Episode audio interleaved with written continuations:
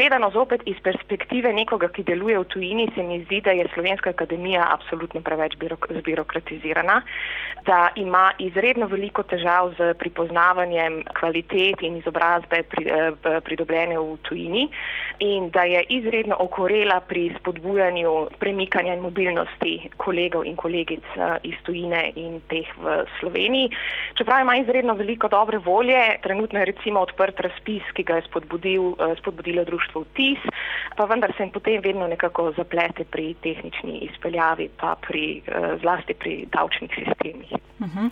Sami imate izkušnje iz več držav, nekako primerljivo, torej spremljate tako skandinavske države, Veliko Britanijo, kjer delujete.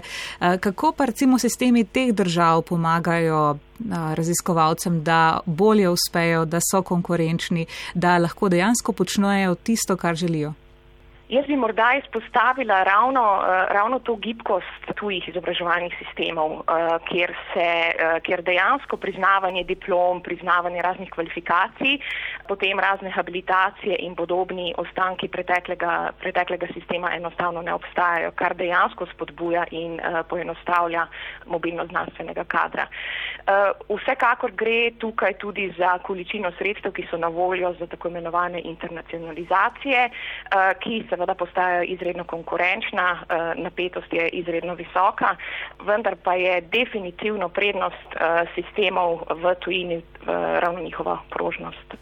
Tukaj iz tujine um, sem bolj v stiku in spremljam, kakšen je pogled Anglije in Evrope na splošno na nove države Evropske unije.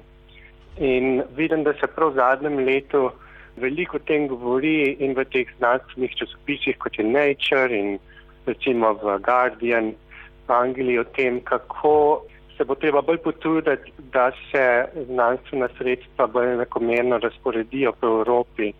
Naprimer, tudi, da bo večji uspeh IRC grantov po državah, ki mogoče doslej niso bile še tako uspešne.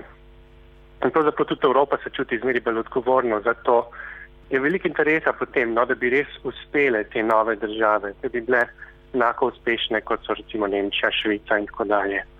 In se mi zdi, da, da se to ne splača izkoristiti.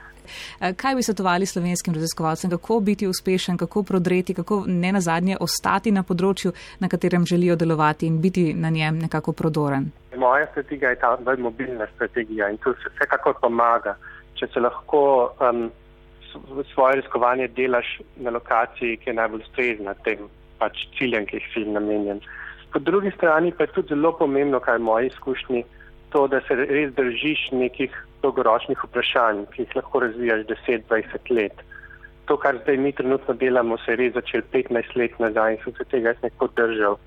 In um, hvala Bogu sem imel tako finančno podporo, da sem lahko neko zeleno nit držal skozi teh 15 let ker če imaš kratkoročno financiranje in treba za vsako prijavljanje nekaj novega se zmisliti, pol bo težko ta stvar razvila neko globino, nekaj takega, kar bo tebi lastno in te bo ljudje zaradi tega prepoznali. Tako da oboje je potrebno, ne pa ne samo mobilnost, po drugi strani pa tudi to, da imaš neko globino v raziskovanju, neko vizijo za naslednjih 10-20 let.